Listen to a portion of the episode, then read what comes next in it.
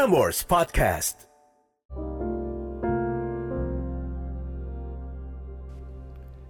Catatan akhir malam oleh Narendra Pawaka. Selasa 7 September 2021. Be ready and willing for a lifetime of growth alongside your partner. Malam ini ada Ran, 27 tahun dan akan menikah. Menuliskan catatan untuk bapak dan ibu.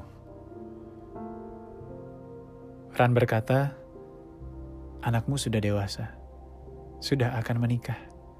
Tolong, berikan sedikit kepercayaan. Sebelum gue buka catatan dari Ran, Kaulah muda ini sudah malam. It is September. Tanggal 7 September. Udah dua podcast yang gue rekam membahas soal pernikahan. Memang, it is that time of the year di mana orang-orang lingkungan sekitar lo, teman-teman lo, sahabat lo, saudara lo, keponakan lo, ini akhir tahun sudah menyadari bahwa oke, okay, pandemi masih belum berakhir. Saat gue rekaman podcast ini dan dirilis 7 September, gue nggak tahu apakah PPKM masih akan berlanjut atau tidak. Ya well anyways, kalau memang sudah siap, yuk kita menikah, gimana pun caranya. Tapi apakah mental sudah siap? Itu dia yang bakal kita bahas malam hari ini. So whatever your story is, this is the place to tell your story. Tell us kaulah muda, karena gue yakin banyak sekali kaulah muda di sana yang akan relate dengan cerita lo. So send it ke narendrapawaka at gmail.com and I'll see you on the next episode. In the meantime, let's open up a note dari Ran malam hari ini dengan subjek ujian sebelum menikah atau keegoisan. Halo Eda, apa kabar? Semoga selalu sehat dan bahagia ya.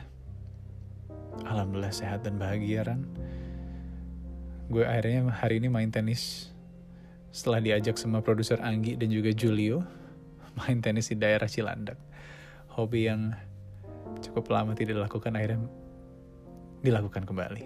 It's fun. Semoga kamu juga sehat dan bahagia saat mendengarkan episode kamu yang satu ini Ran. Panggil saja aku Ran. Jadi inget ini tau gak?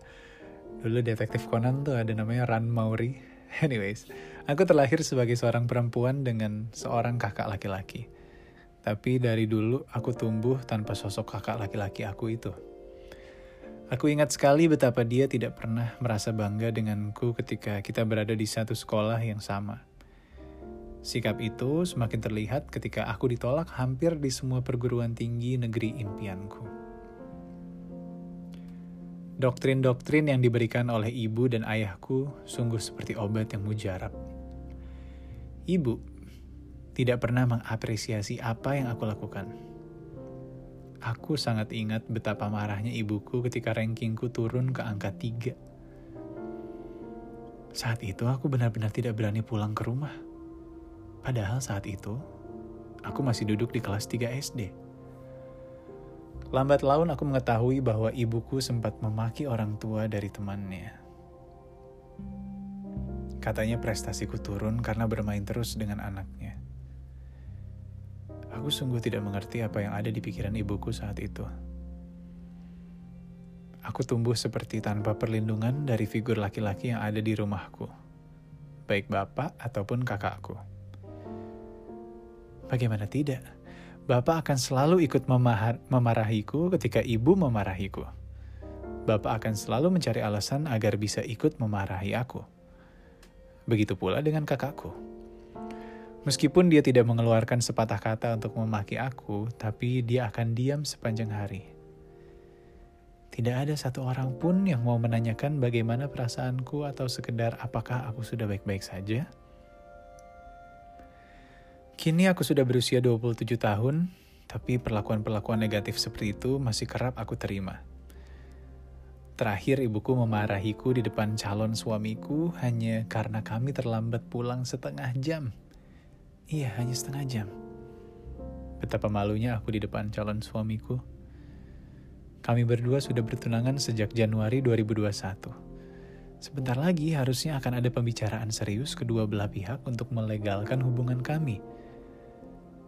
Tapi entah mengapa, ibuku malah berbuat seperti itu yang mengakibatkan calon suamiku sempat berpikiran untuk, dalam tanda kutip, mundur. Sampai hari ini aku belum legowo untuk menemui ayah dan ibuku.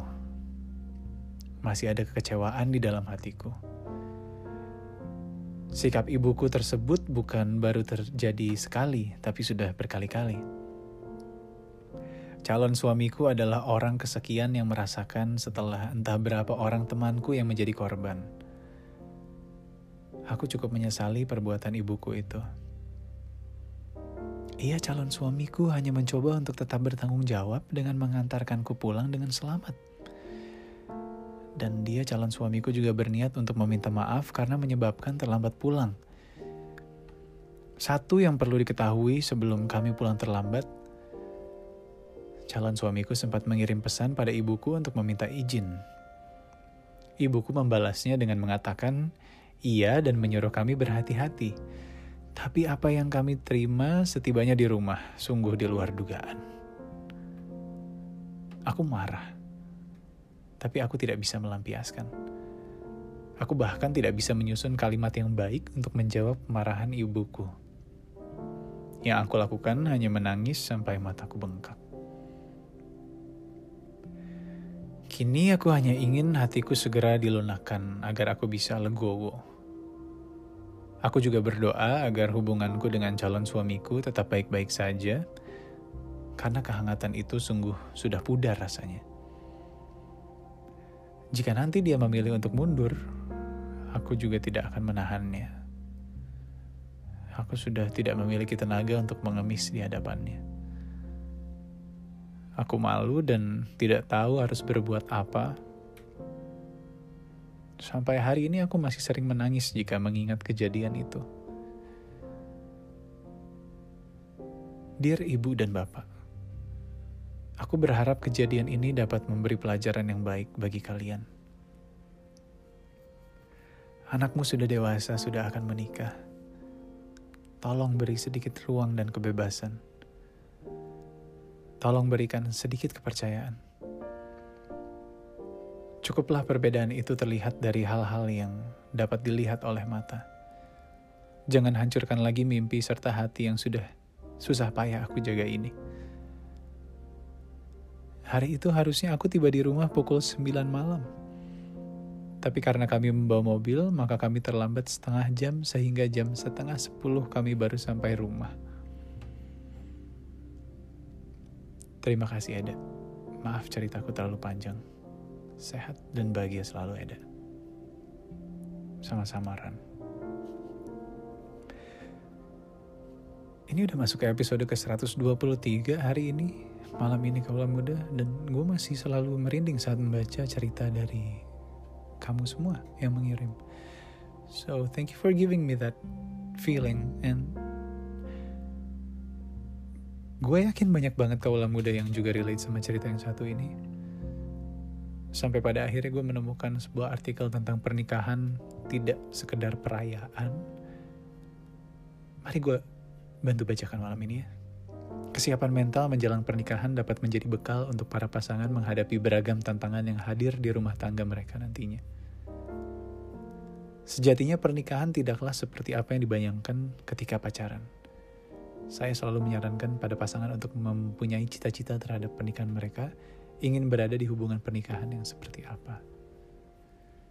Dibutuhkan kejujuran dan kesepakatan, apalagi dalam mengelola keuangan. Apalagi kalau kedua keduanya sama-sama memiliki penghasilan. Kalau tidak dibicarakan secara terbuka, ini dapat menjadi sumber konflik. Itu belum ngomongin keuangan. Kalau di kasusnya Ran adalah ujian dengan kedua orang tua terlebih dahulu. Gue respect sama Ran yang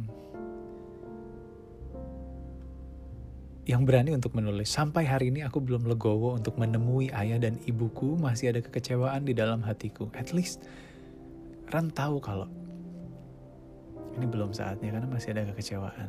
Karena banyak beberapa juga yang belum sadar tentang hal itu. Namun, kalau gue bisa membantu untuk menjawab pertanyaan dari subjek kamu Ran, ujian sebelum menikah atau keegoisan? Ya, gue akan pilih yang pertama, ujian sebelum menikah. Let's call it that way. Supaya lo dan calon suami akan lebih siap lagi karena believe me Ran, setelah menikah perspektif melihat bapak dan ibu akan berbeda dan saat kalian berdua nantinya akan tinggal hanya berdua tanpa bapak dan ibu. Saat main ke rumah bapak dan ibu itu akan ada perasaan yang wow. Akhirnya gue bisa melihat dari kacamata orang ketiga ya.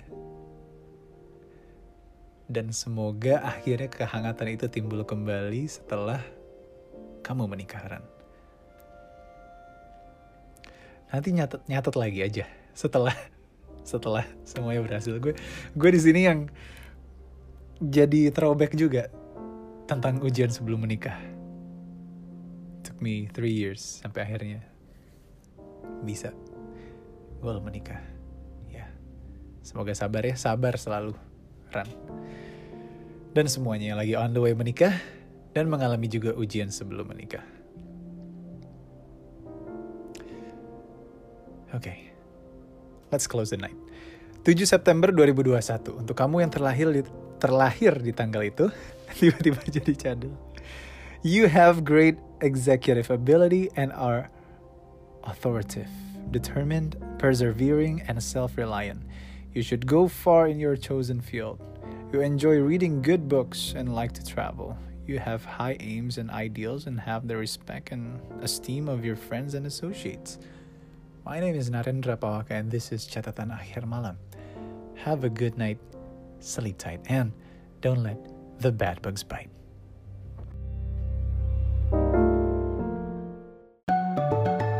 Frameworks Podcast.